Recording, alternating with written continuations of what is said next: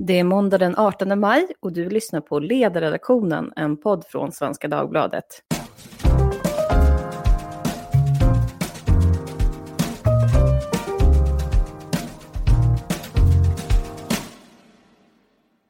Jag heter Lydia Wåhlsten och idag ska vi prata om prostitution eller köpesex.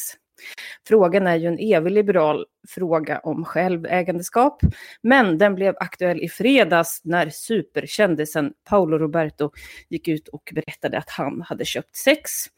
Han hade åkt dit kvällen innan då i en polisrazzia och 1500 kronor ska han ha betalat för att få en halvtimme med någon tjej i en lägenhet på Östermalm här i Stockholm. Det här är i princip den enda nyheten som har lyckats tränga igenom coronabruset. Och då är frågan vad det är med det här att köpa sex som gör oss så uppjagade. Är det det här snaskiga och svarta som lockar? Eller är det något psykologiskt? Kanske en rädsla för att allting i livet, våra mest intima relationer, kan bli föremål för konkurrensutsättning. Och vad vet vi egentligen om marknaden för prostituerade i Sverige idag? Det ska vi prata om nu. Med mig har jag Pye Jakobsson som försörjer sig som sexarbetare och även är aktivist för sexarbetares rättigheter. Välkommen! Tack! Mikael Verdicchio, granskande journalist på Göteborgs-Posten som eh, precis har gjort en hel reportageserie om stans sexköpare. Och eh, ni driver ju också då den här podden Systrar där man kan höra mer om de här olika historierna. Och sist men inte minst så har vi Isobel Hadley-Kamps, författare, feminist och liberal debattör. Välkommen! Tack! Ja, hörni, den här frågan väcker ju mycket känslor och jag tänkte att vi börjar då i den här händelsen med just Paolo Roberto. Vad tänkte ni när ni såg hans bekännelse? Vad säger Isobel? Alltså för det första så tycker jag att vi måste vara ganska tydliga med att skilja på diskussionen om sex och, och sexarbete i allmänhet och det som Paolo Roberto själv säger sig ha gjort, det vill säga han har då köpt sex av någon som inte var där frivilligt, eller som han säger förmodligen inte var där frivilligt. Ehm, och det är ju en väsensskillnad, alltså det är ju som att jämföra liksom, sex i allmänhet med våldtäkt. Alltså att om den andra parten faktiskt är där frivilligt eller inte är ett oerhört mycket mer, liksom en mycket tydligare skiljelinje än om huruvida man har betalt eller inte. Det han säger själv är ju att han har köpt sex av någon som inte var där frivilligt. Det vill säga han har betalat för att få våldta någon. Det tycker jag ändå är en oerhört viktig distinktion att göra. Och det är väl frågan där om han pratar liksom om prostituerade i, liksom generellt sett då när han gör den här intervjun med Jenny Strömstedt i TV4. Men jag reagerade också på just den delen. Men eh, vad säger Mikael, vad tänkte du när du såg det här? Eh, nej men jag tänkte väl mest utifrån min granskning av liksom hela fenomenet och vilka det är som köper sex. Sådär. Eh, och jag blev väl inte jätteförvånad över att eh, han, precis som många andra män, eh, köper sex. Man, eh, ja, statistiken visar ju att närmare en av tio någon gång eh, köper sex under sin livstid. Och eh, där ingår liksom alla typer av män. Så att jag blev väl inte jätteförvånad över att även en kändis eh, gör detta. Liksom. När du säger att en av tio gör det under sin livstid, hur säker är du på den statistiken? Eh, det där är väl någon siffra som kommer från eh, Folkhälsomyndigheten. Eh, jag hoppas att jag säger rätt här nu. Och de gör ju den här undersökningen regelbundet och där visar väl den då att det är närmare en av tio som uppger att de har köpt sexuella tjänster då, eh, under sin livstid. Jag tror att eh, närmare 80 procent sker väl utomlands eh, och sen tror jag det var en tredjedel ungefär eh, av har köpt sex här i Sverige då. Pöja, om jag vänder mig till dig, du som är i branschen, vad, vad tänkte du när du såg Paolo? Ja, nej, jag, alltså jag tänkte stackars människa och då har inte jag haft sådär jättemycket till övers för Paolo Roberto generellt kan jag säga. Eh, det, och det handlade inte så mycket om honom, utan det här har ju hänt förut några gånger, mer eller mindre, Littorin och sådär. Eh, och eh, just det här att liksom tvinga sig in i någon sån här offentlig avbön som inte ens är att pudla, utan GW Persson skrev, det var som att göra en hel kennel. Lite så kändes det. Eh, och att vi liksom har skambelagt det här på ett sätt som gör att man inte längre har rätt till någon form av privatliv, någon form av personlig integritet, någon form av skydd från rättsväsendet, ingenting.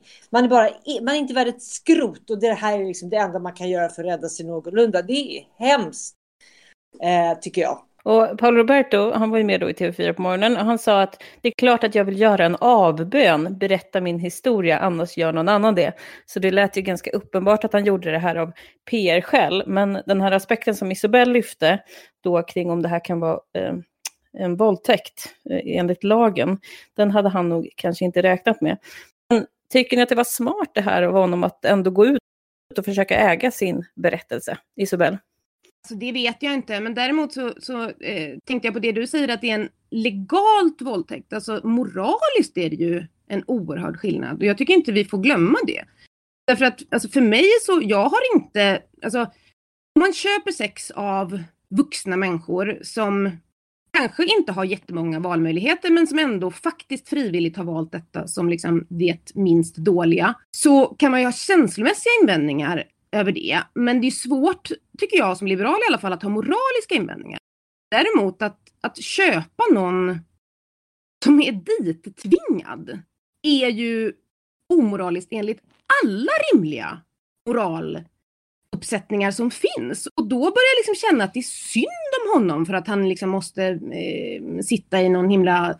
Alltså han tycker uppenbarligen också att det är väldigt synd om honom. Så att där, ja. Han vill ju att vi ska ha den uppfattningen. Men eh, Mikael, delar du Isobels syn att det är det han säger i den här filmen, att han tänkte att eh, hon förmodligen var då ett trafficking-offer? Ja, men alltså jag vill väl inte recensera sådär om det var rätt eller inte, utan var och en får väl liksom hantera sånt här på det sätt de eh, tycker är lämpligast. Liksom. Men, men alltså jag har ju sett reaktionerna och så. Det, de reaktionerna jag möter, det var ju många som, när det här hände, liksom, många av de här i podden till exempel, som hörde av sig till mig och liksom eh, berättar att oj, har du hört nu om Paolo Roberto, liksom, som, nu har han åkt fast också.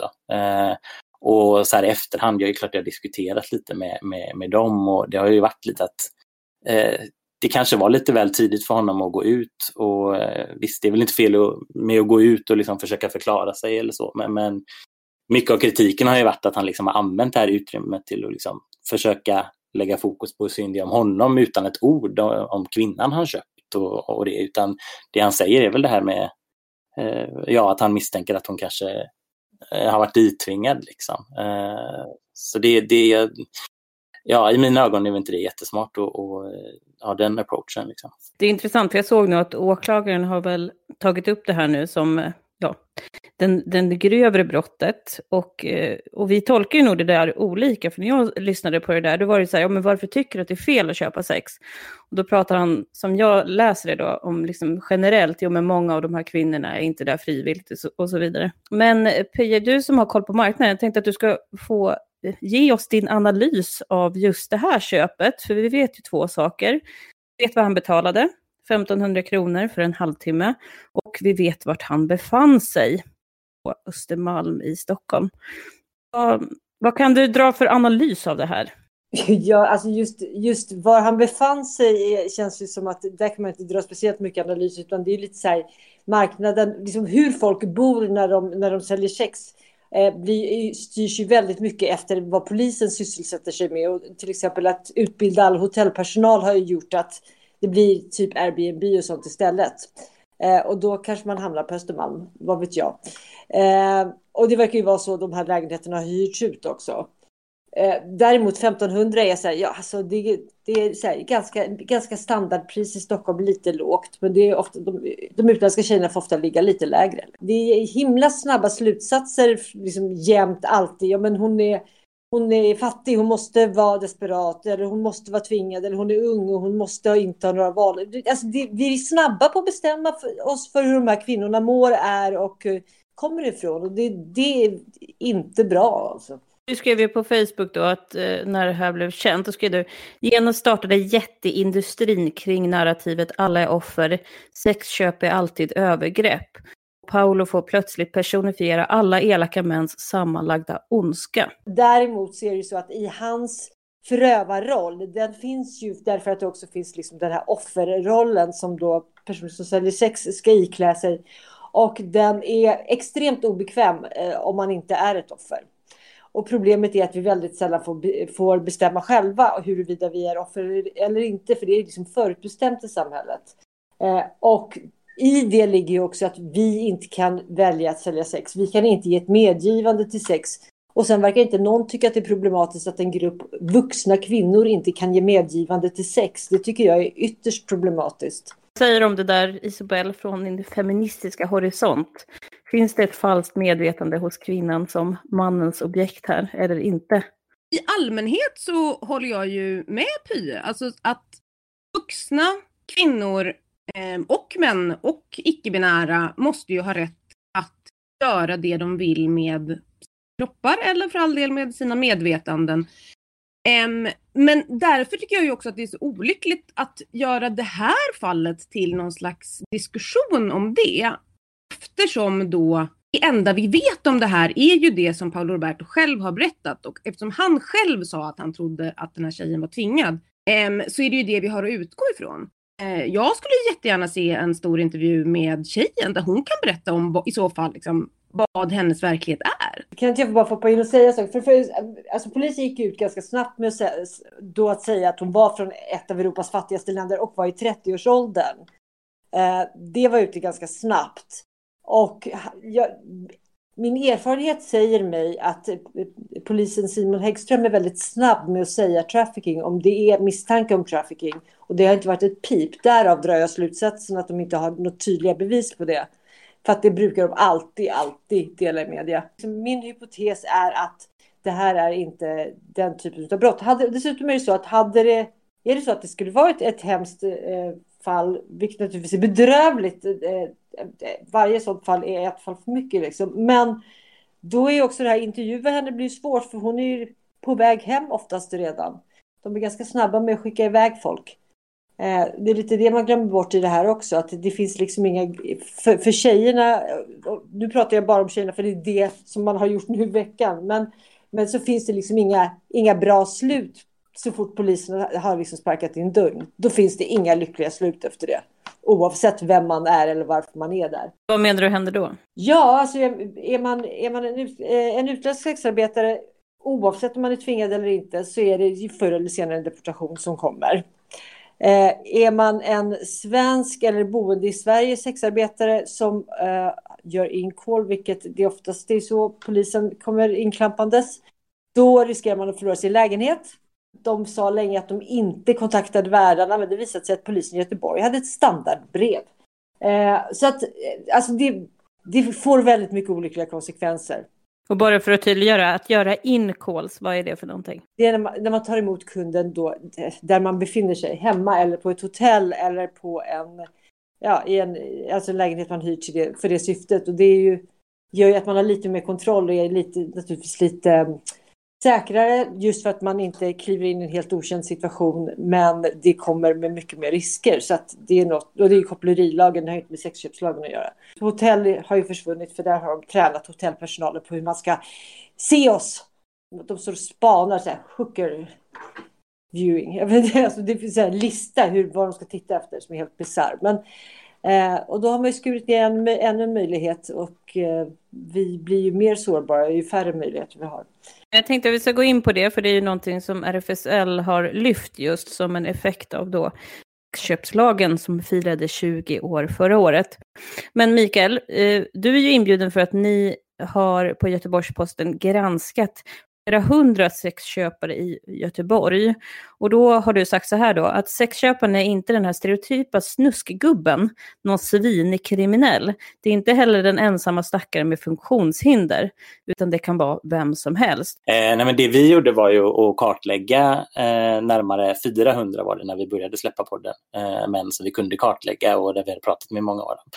Och eh, min bild är väl att det är alla sorters män. Alltså det är eh, Eh, och det är liksom män från alla delar av stan. Det är liksom den framgångsrike pappan med, med barn och villa som köper sex när frun är på jobbet och det är liksom eh, eh datanörden eller festkillen liksom som köper sex eh, en fredagskväll med kompisen eller på resan ner till Amsterdam och det är liksom killen som sitter i kassan på ICA. Eh, det fanns även tonårskillar här som köpte hem till föräldrahemmet liksom. Och, eh, Eh, hade sex där när, när föräldrarna inte var hemma. Liksom. Så att, eh, det var ju verkligen alla kategorier av män eh, som köper. En annan intressant grej som jag studsade också vid var att det ofta var män som eh, ja, alltså marknadsförde sig utåt som eh, goda män som, som eh, kämpar för jämställdhet. Jag, men, vet en av dem, det fanns män bland annat som jobbade med utsatta kvinnor. Eh, en av huvudpersonerna i, i podden också, eh, Stina, eh, som vi berättar om. Eh, den mannen som hon hamnade hos eh, först, han, eh, han var ju nämndeman och satt och dömde personer i domstolar och hade gjort sig känd som eh, kvinnokämpe och åkte runt och föreläste om eh, kvinnors rättigheter och jämställdhet och sådär. Så att eh, eh, min bild är liksom att det är alla typer av män. och där finns ju såklart den här ja, Eh, om man ska vara lite fördomsfull, den här lastbilschaffisen eh, och den kriminelle. Men det finns så många fler män än bara de som, eh, som köper sex. Av det så kan man ju dra två slutsatser eh, beroende på vilka glasögon man har på sig. Den ena slutsatsen är att den här den snuskiga mannen, den finns precis överallt. Den andra är ju att det här är ett behov som vem som helst då verkar ha en tjänst som väldigt många olika typer av människor efterfrågar. Mm. Så vad faller du ut i den dikotomin? Nu i just den här podden så hamnade ju fokus väldigt mycket på, eh, det var ju unga tjejer eh, i de här fallen så att rubriceringen blev ju till exempel våldtäkt mot barn i ett av fallen eh, när hon drogs in i detta. Eh, hon eh, ja, hoppade in i en främmande mans bil när hon var 14 år och hade lagt ut en annons och detta eh, resulterade i en rad barnvåldtäkter, eh, men där hon då så småningom eh, identifierade sig med den här stämpeln. Hon såg sig själv som en hora och tillät sig själv att bli utsatt för det här. Så om jag har några vissa, alltså jag har ju pratat med folk som, som tycker olika. Eh, av dem, vi gjorde ju den här podden ihop med, det var ju 16 kvinnor och transpersoner som vi hade pratat med när vi eh, började släppa den här podden och ja, majoriteten av dem hade nog sett det som att eh, de här männen eh, ja, är snusgubbar som köper någon form av samtycke till sex som de annars inte skulle kunna få på annat sätt. Det är nog de, det är min, min upplevelse är att majoriteten av dem jag pratade med i alla fall eh, tyckte så. Sen fanns det ju även enstaka personer som kanske såg det här som något, eh, ja men ett behov som eh, man kan tjäna pengar på helt enkelt, eh, på att erbjuda. Precis, för det är ju min fråga, vågade du ställa liksom kritiska frågor till de här tjejerna då som såg en möjlighet att göra snabba pengar? Eh, ja, nej, men det är väl klart. Alltså, jag har ju suttit i ganska många timmar. Det här har, ja, jag höll på med detta nästan ett helt år eh, innan vi började släppa podden. Så det är klart att jag haft de eh, diskussionerna. Och jag tror att många har nog haft svårt också och prata om det, eh, alltså även i fall där det liksom är barnvåldtäkt. Liksom. Man är nog van vid att eh, allmänheten ser på det så, som att du har själv gett in i det här men jag tycker det är intressant för flera av de här tjejerna vittnar ju om, de vittnar om att de blir utfrysna på skolan i 14-15 års åldern. Sen kommer de på så här, hur ska jag få pengar? Ja, det här verkar vara ett enkelt sätt att tjäna ganska mycket pengar. Och så börjar de göra det och sen så vissa är utsatta för liksom att de blir utpressade och massa sådana saker. Men det finns ändå en slags, liksom, absolut liksom självmedvetet, rationellt, eh, i efterhand är det ju lätt att säga att det här är ett destruktivt beteende och du är alldeles för ung för att fatta de här besluten. Men när man lyssnar på berättelserna så låter det ju väldigt liksom, ja, just medvetet. Ja, alltså på det, det, är liksom, det blir väl en definitionsfråga om det är medvetet eller inte. Alltså, gemensamt för alla är väl att det är olika situationer, saker de har varit med om som har fått dem att till slut ta det här beslutet och lägga ut en annons och börja sälja. Och sen har de då, det har lett till att de har blivit utsatt för eh, en massa saker. Eh, men det, det är väl liksom upp till var och en att avgöra det, vad, var gränsen går till att det är en medveten handling. Jag vet en tjej till exempel som jag pratade med, hon är inte med i podden, men i det fallet till exempel så var det att hon, eh, och då var inte hon under 15 utan hon var eh, ja, en äldre tonåring då. Eh, men hon hade blivit våldtagen av sin Eh, sin eh, kille och detta ledde in henne i ett ganska tungt missbruk där hon använde droger för att liksom döva detta. Eh, och där hon till slut ja, tog beslutet själv att lägga ut en annons men samtidigt och sälj, så sålde då eh, sex till gubbar i bilar men där hon samtidigt beskriver varje träff som en våldtäkt eh, på nytt. I alla fall så upplevde hon det så. Eh, och då är ju frågan liksom, det är ju ett medvetet val att lägga ut det, men frågan är om det, det är ju ingen av de här som, skulle, som hade valt detta själva i alla fall. Det, det är inte min upplevelse i alla fall om det fanns andra alternativ. Så att eh, det där är ju en diskussion som, ja det är ju det hela debatten handlar om såklart. Eh, Apropå den här frågan att det är så många typer av vanliga män, vad drar du för slutsats av det? Är det att det, den här marknaden behövs eller är det att eh, alla män bär på smutsen inom sig? Så nu är ju inte en tiondel alla män, tycker jag faktiskt också att man ska säga. Men däremot i viss utsträckning vad gäller dem då som är en ganska stor grupp, så kanske det är lite båda delarna. Alltså att det både är en önskan om att faktiskt liksom eh, eh, känna sig överordnad någon annan på ett liksom oerhört uppenbart sätt. Och, och kanske rent av då liksom så här förnedra någon eller sådär. Och även i de fall det inte är det så är det ju, jag tycker ju att det är en, även om det kan vara ett medvetet val i någon mening då för liksom en eh, våldtagen tonårstjej att börja så här, sälja sex för att kunna finansiera ett eh, drogmissbruk så förbehåller jag ju mig fortfarande rätten att liksom vara jävligt tveksam till de män som väljer att utnyttja det. Som Väljer att utnyttja henne. Och att jag kanske tycker att vi som samhälle borde organisera oss så att eh, unga tjejer inte ser det här som liksom den enda utvägen. Utan att man faktiskt har fler val att göra. Det är väl 10 000 kronor frågan då, hur man, hur man ska göra det. Men Pöje, vad tänker du? Eh, du som jobbar, är det alla typer av män, som Mikael säger? Så, ja och nej, det är det säkert. Jag, alltså jag träffar ju män som jag Alltså de män som jag väljer att träffa, det är inte alla män utan det, det blir vissa typer, liksom, vad man är bekväm att jobba med. Men, men det som jag tycker är viktigt att komma ihåg det är att det, det snurrar väldigt snabbt iväg i diskussionen i Sverige och, och så blandar vi liksom ihop barn och vuxna. Du säger, barn säljer inte sex. Någon under 18 i min värld som aktivist och som sexarbetare. Barn säljer inte sex. De är utsatta för en våldtäkt oavsett resten. Eh, och någonstans så, så måste vi måste liksom kunna skilja på, på, på, människor som är vuxna och människor som är barn. Eh, och det, det, blir alldeles för luddigt ofta i diskussionerna. Det är liksom en glidande linje emellan och det är stor skillnad. För det är stor skillnad på vilken typ av liksom, eh, hur, hur, man styr situationer, hur man väljer i livet överlag. Liksom. Det tar tid att bli vuxen. Eh, och eh, vad det gäller liksom sin sexualitet och hur man hanterar den tar det också tid. Så att jag tycker vi ska vara väldigt försiktiga så att vi liksom inte blandar ihop det. För plötsligt så blir diskussionen extremt infantiliserande och vuxna kvinnor och män och transpersoner beskrivs nästan som barn som en följd av detta. Och det är eh, inte speciellt eh, bra för någon.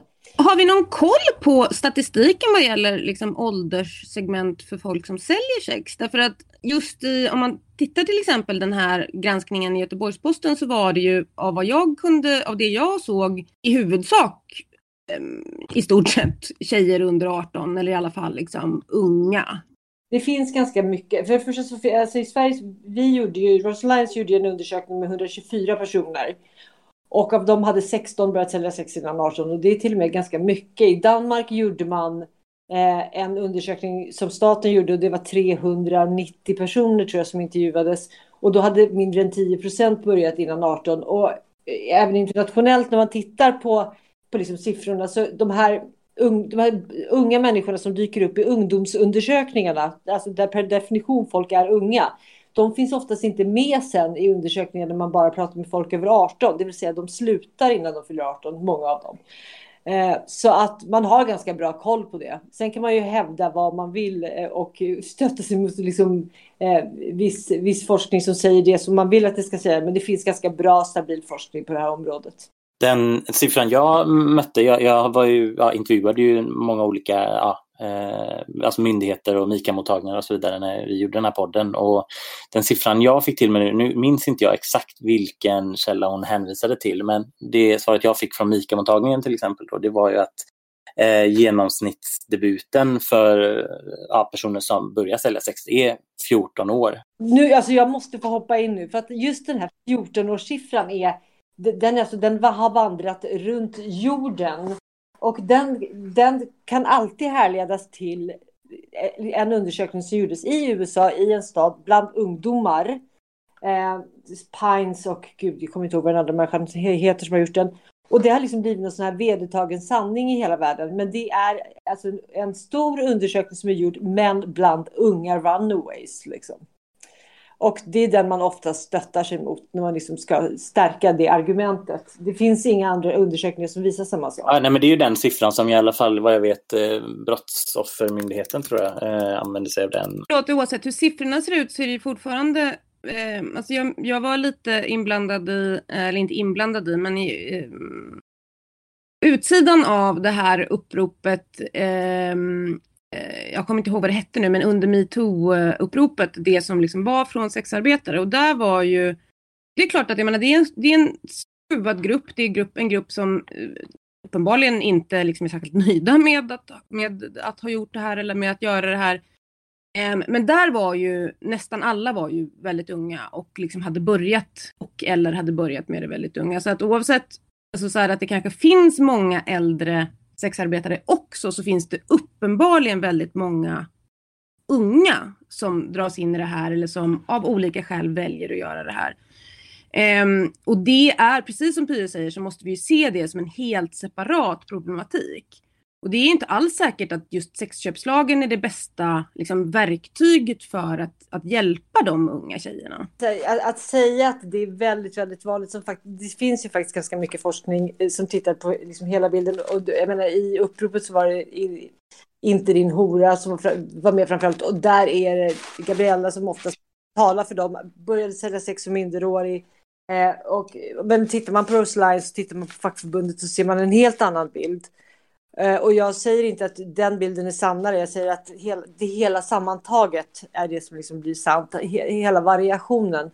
Och då så skulle jag säga att du vet, det var de siffrorna som vi fick fram och som också Charlotta Holmström när hon gjorde kunskapsöversikten för RFSU. Eh, som sagt, då var det 16 av 124 och det, eh, efter 30 år i branschen kan jag säga att det känns ganska sant för mig. Och jag har ändå träffat några tusen kanske sammanlagt. Om vi bortser från det här med åldersfördelning då, så kan vi prata om ursprung, för det är det som är frågan här om trafficking.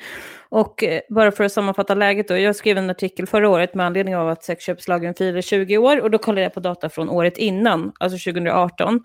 Och då var det 850 personer som hade anmälts för köp av sexuella tjänster i Sverige.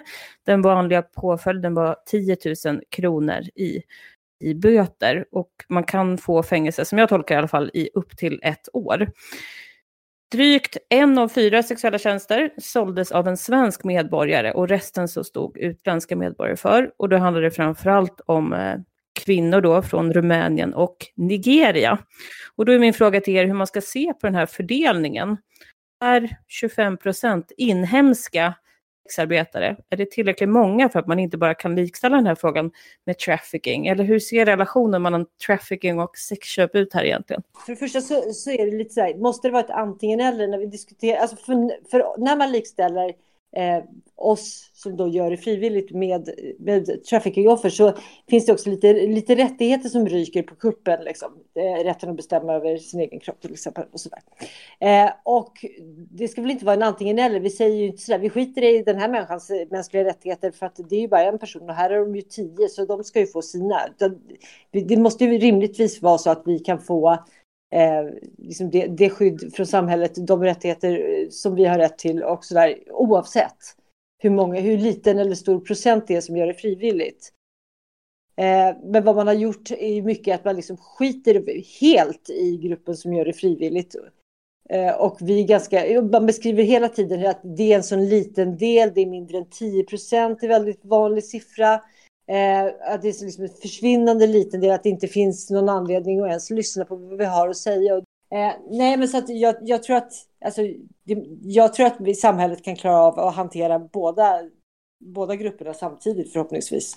Eh, för det är väldigt, väldigt stor skillnad. För det, och det, som sagt, sexarbete är ju inte den enda det är inte den enda, liksom, sexindustrin är inte den enda industrin där det förekommer tvång.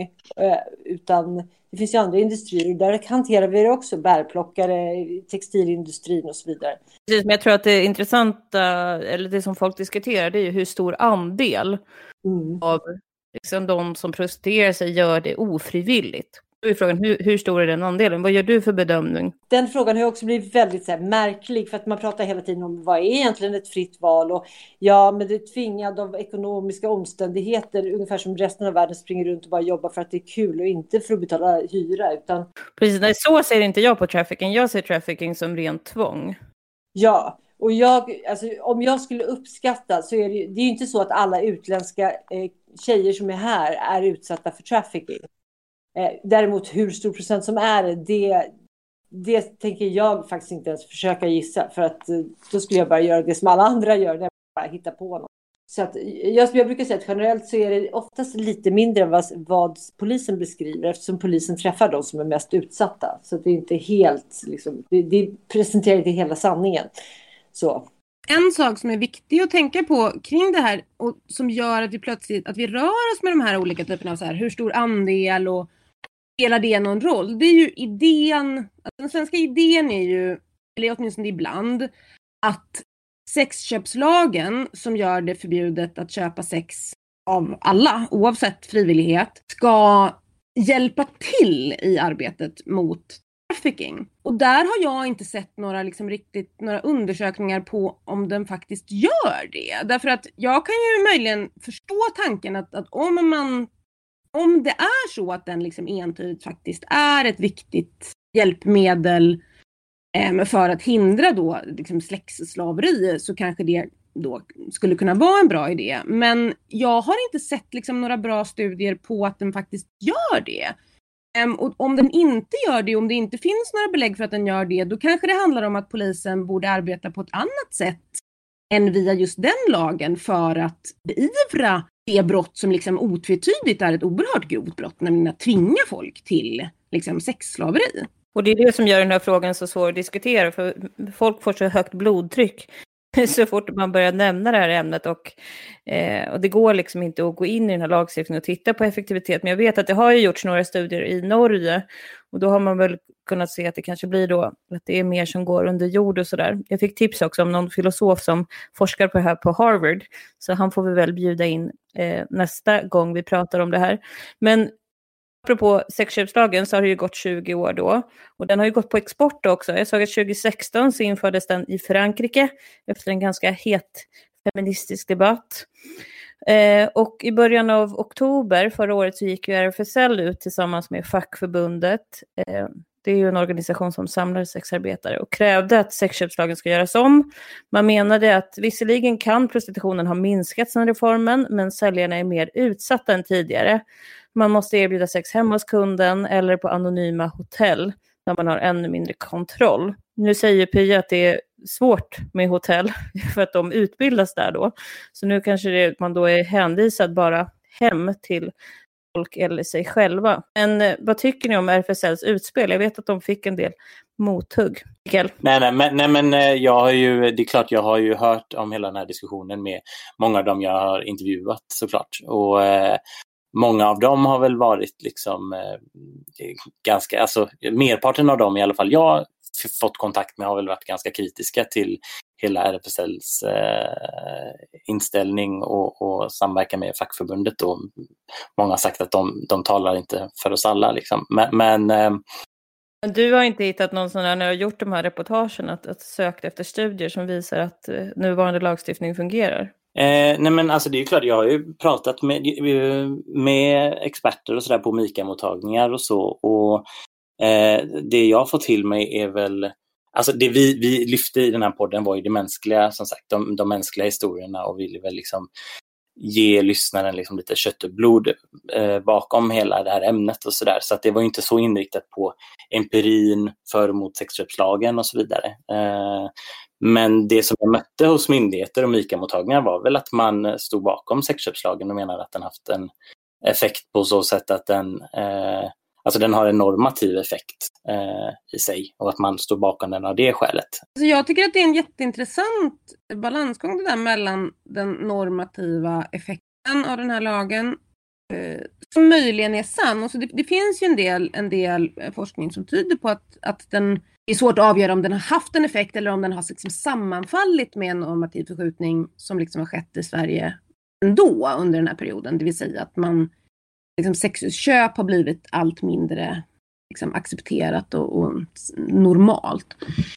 Um, men, men däremot är ju då frågan, det som, den, det som det faktiskt, vi faktiskt vet att den har haft för effekt är ju att den har gjort livet svårare för några då av liksom de allra mest utsatta personerna i samhället, nämligen sexarbetare. Och att det gör man, man får ha mindre säkerhet, man har mindre liksom möjlighet att då kunna kontrollera i förväg eh, kunder och så. Och, och då är, är det rimligt att göra den avvägningen då? Att, alltså, jag kan ju då säga så här ärligt och emotionellt. Jag gillar att sexköp liksom inte är helt jag tycker att det är skönt att det inte är liksom en helt normal grej att, att liksom typ med sig sonen till en bordell så att han ska få bli av med oskulden eller vad det nu kan vara. Jag tycker att det är trevligt. Men är min trevnad värd mer än liksom den fysiska säkerheten för folk som faktiskt liksom är i jävligt utsatta situationer? Det är jag inte säker på. Alltså jag tycker att det, ja, man kan verkligen argumentera för båda delarna. Precis, och hur, hur, normativ lagstiftningen ska vara på den fronten. För att de flesta kanske då vill leva i ett samhälle där man slipper se snusk och människor som loggar, jobbar till låga löner till exempel. Därför har vi höga ingångslöner och massa andra saker av rent estetiska skäl. Vill man leva i ett visst typ av samhälle. Mm, Py, vad säger du om, om det där resonemanget? Alltså rent, rent estetiskt så vill jag leva i ett samhälle där människor har äh, rätten och tillgången till sina mänskliga rättigheter. Eh, där blir det lite svajigt när man har den här typen av normativa lagstiftningar som är mycket baserade på liksom moral eh, mer än någonting annat. Och eh, eh, så att, så att jag, jag har väldigt svårt, jag förstår att man vill ha sin trevnad. Men eh, jag har, tittar mig i ögonen och säger att det är värt det liksom, när jag ser vad som, hur, hur livet har förändrats på grund av de här, den här lagen och vad människor runt omkring mig framförallt har blivit utsatta för under tiden. Eh, som följd av den här lagen så skulle jag vilja säga att det är, har definitivt inte varit värt det. För någons trevnad. Vad är er analys till varför vi inte diskuterar sexköpslagen mer då? Jag blev så himla förvånad när jag skulle skriva om det här, för då såg jag att min föregångare Maria Abrahamsson hade varit extremt kritisk mot sexköpslagen eh, för några år sedan. Och det tyckte jag var förvånande, för nu hade jag blivit Ja, jag hade nog inte sett en sån text skrivas idag på samma sätt med samma skärpa eh, mot den här lagstiftningen. Men varför pratar vi inte om det Isabel? Alltså jag tror att det har hamnat i ett läge där sexköplagen mm, ja, men i, i sig själv har blivit normat. Att vi inte ens funderar över i vilken utsträckning den gör gott eller inte. Utan att, att vilket, om, man, om det blir så att man hamnar i ett läge där någon, när man inte reflekterar över liksom effekten av någonting, då blir man ju per definition liksom ond om man är emot det här. Precis som då till exempel RFSL utsattes för och jag vet att Amnesty som ju är emot sexköpslagar har också liksom fått oerhört mycket kritik för det. Och Amnesty är ju det för att liksom de ser hur hur oerhört liksom, utsatta sexarbetare är internationellt och att lagstiftning mot liksom, eh, sexarbete och sexköp tenderar att drabba eh, extremt utsatta. Vi förmår liksom inte riktigt hantera att vi vill liksom en sak med lagen och att den kanske har en helt annan typ av effekt. Alltså att vi, vi vill vara goda med det här men resultatet kanske är att liksom väldigt utsatta blir ännu mer utsatta. Precis, men samtidigt skulle man kunna säga att det är exakt samma argument på drogsidan och kriminalisering av enklare droger och sånt, vad det har för effekt. Och där har ju debatten gått i motsatt riktning får man säga. Så det är ju någonting alldeles särskilt med just den här frågan. Jo, man kan ju jämföra med ingångslöner. Att där vill vi, liksom moraliskt, att människor inte ska behöva leva och vara jättefattiga för att de tjänar för lite. Så stiftar vi en lag om att man ska liksom ha hög lägstalön och om resultat, för att vi tänker oss att resultatet då ska bli att folk får högre löner. Och om resultatet istället blir att folk får inga löner, det vill säga inga jobb, då blir det det blir för svårt att hantera och då slutar vi hellre att lyssna och vill liksom eh, eh, prata om något annat. Att det blir en för stor kognitiv dissonans när det vi av olika skäl väljer att göra för att vi vill göra gott istället gör ont. Det blir jättesvårt att hantera. Och kanske drogfrågan snarare ett undantag i det att vi av något skäl jag inte vet lyckligtvis har börjat kunna prata om det på ett rimligt sätt. Det har tagit lång tid och till och med dödsfall då. Här kanske inte liksom effekten är lika negativ på, den, på, den, på det sättet. Alltså det beror ju på hur du ser det. Alltså om du pratar om eh, våld mot sexarbetare är ju jättevanligt. Och eh, nu är det kanske inte alltid sexköpslagen men, men just sånt här, alltså hur kopplerilagen kan användas mot sexarbetare, hur de kan bli av med sina barn på grund av liksom vårdnadstvister och för all del ibland liksom utsättas för våld och till och med dödligt våld. Så att det är inte, alltså det sker ganska liksom svåra konsekvenser av det även på det här området. Och där tror jag att det var RFSL också som hade tagit fram en rapport om just effekterna pekade på några sådana här, men då blir de ju anklagade då för att vara anekdotisk bevisföring. Och det är ju lätt att det blir så när det handlar om sådana här verksamheter som då befinner sig i det här skugglandskapet. Att det, det är väldigt svårt att presentera liksom, eh, rututredningar eh, i den branschen. Men jag såg att Jämställdhetsmyndigheten är det som har fått i uppdrag nu att kartlägga till, och de ska presentera det då i januari nästa år. Får vi se vad som kommer ut av det. Det är ju inte alls en politisk organisation på något sätt. Det kan bli spännande nu är jag ironisk. Hörrni, vi måste börja avsluta i alla fall. Eh, min sista fråga är vad ni tycker då, om vi backar tillbaka till Paolo Roberto. Min hypotes är att man inte vill att någon ska köpa sex. Man tycker att det är liksom på något sätt, eh, ja, det är fult helt enkelt. Man vill inte att människor ska göra så. Men min fråga till er är vad ni tycker man ska ta med sig när man fortsätter att läsa om Paolo Roberto. Och då börjar vi med Mikael. Just om Paolo Roberto, alltså det främsta jag tycker man ska ta med sig är väl att han eh, är en av många. Eh, var tionde man i Sverige köper sex och det är väl de du minst anar. Liksom. Så att han är ju någon del av något, något mycket större. Liksom. Sen vad man ska ta med sig, ja, man får väl diskutera den här frågan hur man vill. Nej, nej för jag, jag, jag bara tänkte, för, för, en sån här återkommande, eh, återkommande studie som många myndigheter återkom till ofta, det var den här, som jag nämnde inledningsvis, den här studien av Melissa Farley till exempel, där hon hade eh, intervjuat, eh, jag tror det var 850 personer i prostitution. Eh, och eh, kollat liksom, eh, deras bakgrund och så vidare. Och det hade ju då eh, en majoritet eh, utsatts för sexuella övergrepp som barn.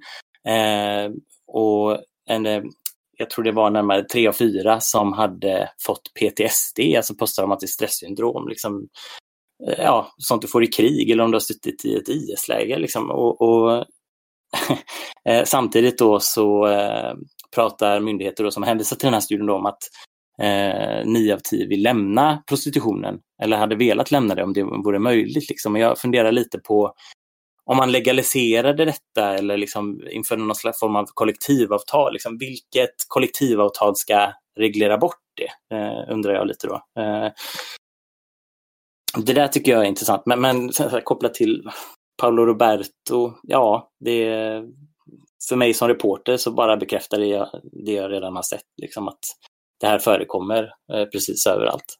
Isabelle, vad, ska, vad är det för kollektivavtal som ska reglera bort att människor söker sig till yrken på grund av sin bakgrund? Eh, jag, jag eh, lämnar det här till liksom, de med mer då facklig, eh, fackligt engagemang i det här som Pye, men däremot så tror jag ju att man måste vara noga med att, att liksom skilja mellan tanken på jag är ju, jag är emot sexköpslagen därför att den jag tror att den ger liksom dåliga effekter för väldigt utsatta människor. Men jag är inte för, liksom, i allmänhet för liksom, mer sexköp. Jag tror att eh, många människor jobbar med sexarbete eh, av skäl som inte liksom är riktigt sådär eh, konstruktiva och bra utan att man kanske faktiskt borde få hjälp att göra någonting annat. Ehm, men det är liksom, eh, just Paolo Roberto-fallet tycker jag fortfarande, där, där återkommer jag till det jag sa i början, att, att liksom, det, jag tror att det är olyckligt att se det här som en diskussion om liksom sexköp i allmänhet eftersom han faktiskt då uttryckligen har sagt, man kan tolka det på olika sätt, men jag tolkade det entydigt som att hans upplevelse var att den där tjejen som han köpte sex av inte var där frivilligt. Um, och då kan man i och för sig koppla, apropå det Mikael säger om att det är vanligt, att att eh, en dansk undersökning som jag läste eh, om sexköpande män var då att ungefär en fjärdedel, de fick frågan så här, om du visste eller trodde att tjejen eh, inte var där frivilligt, skulle du ändå köpa? Um, och då sa ungefär en fjärdedel att det skulle de göra ändå. Um, och det säger ju någonting oerhört dystert om liksom, sexköpande danska män i alla fall. Um, men det här är inte, om Paolo har rätt i sin inställning där, då har han begått ett fruktansvärt brott. Och jag förstår inte att vi liksom gullar med honom och verkar bete oss som att det är synd om honom och att han får liksom vara offret och huvudpersonen i berättelsen. För det tycker inte jag att han ska vara. Jag tänker ju tvärtom att han eh, verkligen gjorde ett eh, misstag genom att gå ut. Och att det här kommer man minnas för evigt, precis som man minns Mona Sahlin när hon säger jag är banne mig ingen fifflare och sådär. Eh, att eh, han trodde att det var en krishantering, men i själva verket var det precis tvärtom. För att spara det här visuella. Jag har sett att det är några kriskommunikatörer som har varit inne på samma spår. Och framförallt nu eftersom att det här uttalandet då dessutom kan ha konsekvenser för hur det här brottet bedöms så var det ju, jag tycker inte att det är gullande. Konsekvenserna kanske inte verkar vara så eftersom folk faktiskt har blivit väldigt upprörda. Men alltså jag tänker på de här, eh, typ när han lägger ut på Instagram, nu ska jag lappa ihop mitt krossade liv och sen så gör han typ tummen upp för sig själv. Så han verkar inte själv tycka att han har gjort något särskilt förfärligt, to be honest. Nej, så är det ju. Men det framstår ju mer som en tågkrasch än liksom en, en, en människa vid sunda vätskor. Tänker jag. Men jag kanske är naiv, eller så är jag liksom för, för inne i det här eh, kommunikationstugget. Men nu måste vi faktiskt rikta blickarna mot Pöje som ska få avsluta den här podden. Och för att påminna oss då vad vi pratar om, vad ska våra lyssnare ta med sig när de läser om Paolo Roberto framöver? Det har ju varit mycket sådana här kommentarer som att varför handlar det om honom? Borde inte tjejen vara intervjuad? Men samtidigt om vi tittar på språket, hur vi, liksom hur vi pratar om det här. Eh, jag pratar ju om sexarbetare, men jag blir kallad för sexköps... Eh, jag, jag, jag propagerar för sexköp, det gör jag inte. Eh, jag propagerar för sexarbetares rättigheter, men vi har ett språk som hela tiden handlar om den sexköpande mannen. Faktiskt när vi pratar om det här. Vi pratar alltid om hans aktiviteter. Vi pratar inte om liksom, säljarnas aktiviteter, utan vi är bara något så här passivt. Liksom. Det tycker jag man ska ta med sig. Liksom, försöka vara lite uppmärksam på hur vi, liksom, vi som säljer beskrivs och hur mycket människor vi får bli i den här. För det är inte speciellt mycket oavsett om vi gör det frivilligt eller inte. Eh, så det hoppas jag att folk kan eh, eh här, försöka, försöka lyssna lite efter. Och sen måste jag, jag bara måste få säga en sak om Farleys forskning. Som kanadensiska högsta domstolen har tagit exakt den rapporten som beskrevs här tidigare och slängt ut den som bevis för att det var citat junk science. Det är mycket diskussioner om junk science nu för tiden, men eh, jag tror att vi får avsluta där. Egentligen vill jag slänga in en sista sak och det är att du säger att du inte är en sexköpsförespråkare. Betyder det att du säljer en tjänst som du inte tycker det borde säljas mer av? Eh, nej, varken, liksom varken bu eller bä. Jag förespråkar inte sexköp. Det är inte det jag gör i min aktivism. Det jag förespråkar är rättigheter för sexarbetare. Det är lite annat fokus kan jag väl säga. För det är Sverige, alltså vi, sexköp överlag pratar jag bara om när jag jobbar i princip. Ja, men du tror inte att samhället skulle bli sämre om fler köpte sex? Eh, jag tror, eh, jag, jag, tror inte att, att lagar på, påverkar speciellt mycket hur, hur mycket sex som köps eller säljs. Jag tror bara att lagarna påverkar hur, under vilka omständigheter det sker. Och där får jag avsluta för idag faktiskt. Jag säger stort tack till Peje Jakobsson, Mikael Vredicchio och Isobel Hadley Kamps. Om ni har frågor om dagens podd eller tips på andra ämnen som vi ska prata om, då hör ni av er som vanligt till ledarsidan svd.se. Tack för idag!